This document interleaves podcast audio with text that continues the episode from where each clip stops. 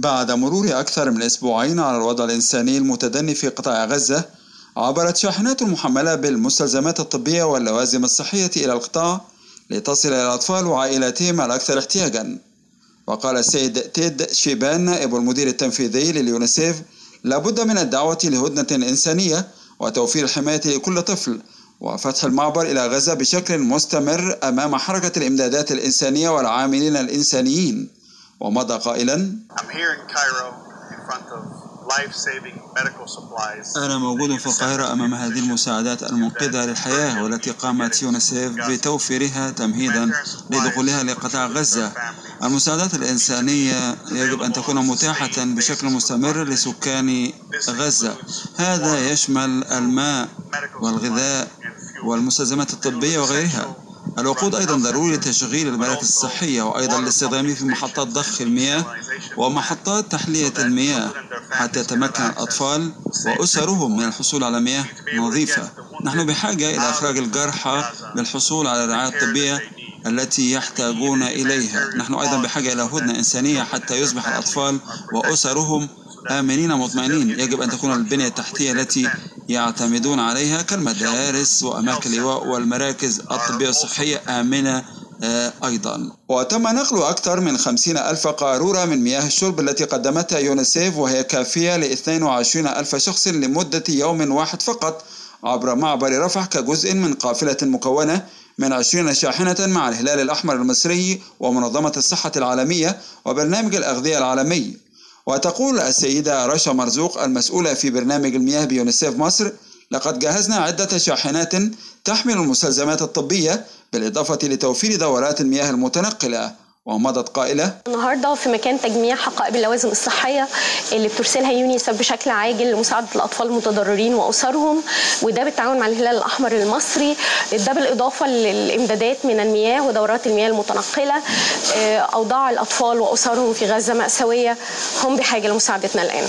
ودعت الفنانة منى زكي سفيرة النوايا الحسنة بيونيسيف مصر إلى حماية كل طفل مشيرة إلى أنه يجب أن تكون الوكالات الإنسانية كاليونيسيف قادرة على تقديم المساعدة بشكل آمن ويمكن التنبؤ به للأطفال والعائلات في غزة الذين هم في أمس الحاجة إليها الآن. ومضت الفنانة منى زكي قائلة الأيام المأساوية دي لمجرد إن إحنا بنتابع الأحداث اللي حاصلة في غزة بنحس بمنتهى القهر والظلم والحقيقة قلبنا بيتعسر من الوجع تخيلوا معايا أعتقد إن خيالنا حتى مش هيجيب. أطفال غزة بيمروا بإيه دلوقتي؟ الوضع فيه ضياع صحي ونفسي وجسدي ليهم. بيتسرق منهم طفولتهم وحقهم في الحياة. الوضع حقيقي مأساوي في غزة. أعتقد إن أبسط حاجة ممكن تحصل وممكن نحاول نساعد بيها هو إن إحنا نتبرع. اتبرعوا لأطفال غزة من خلال يونيسف. وقالت اللاعبة حبيبة مرزوق لاعبة الجمباز الإيقاعية الأولمبية وسفيرة المبادرة العالمية للأمم المتحدة في مصر شباب البلد قالت في ظل الأوضاع الكارثية التي يعيشها الأطفال وتصاعد الهجمات والوفيات والإصابات في المستشفيات والمدارس فإن أطفال غزة وأسرهم بحاجة عاجلة إلى الحماية والمساعدات الإنسانية العاجلة. ومضت قائلة عارف يعني إيه يعدي عليك يوم من غير ما يبقى عندك ولا أكل ولا مية ولا كهرباء؟ ولا حتى مستشفى عارف إنك لو تعبت هتلجأ لها.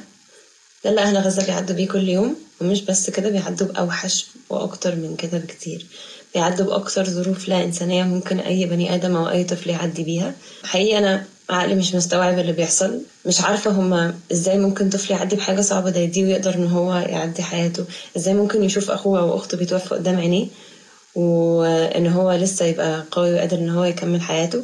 طبعا إحنا كل فرد فينا لوحده حاسس إن هو مش قادر يعمل حاجة. لكن أنت تقدر تعمل حاجة. أنت ممكن تبرع حتى لو بمبلغ بسيط من خلال اليونيسف في ظل الأوضاع الصعبة التي يعاني منها قطاع غزة خاصة الأطفال والنساء دعت منظمة اليونيسيف إلى فتح كافة المعابر إلى غزة أمام حركة الإمدادات الإنسانية والعاملين الإنسانيين والوصول الآمن والمستدام إلى المياه والغذاء والصحة واحترام وحماية البنية التحتية المدنية كالملاجئ والمرافق الصحية والكهرباء والمياه والصرف الصحي وحماية البعثة الطبية لمنع تفشي الأمراض وتقديم الرعاية للمرضى والجرحى. خالد عبد الوهاب لأخبار الأمم المتحدة.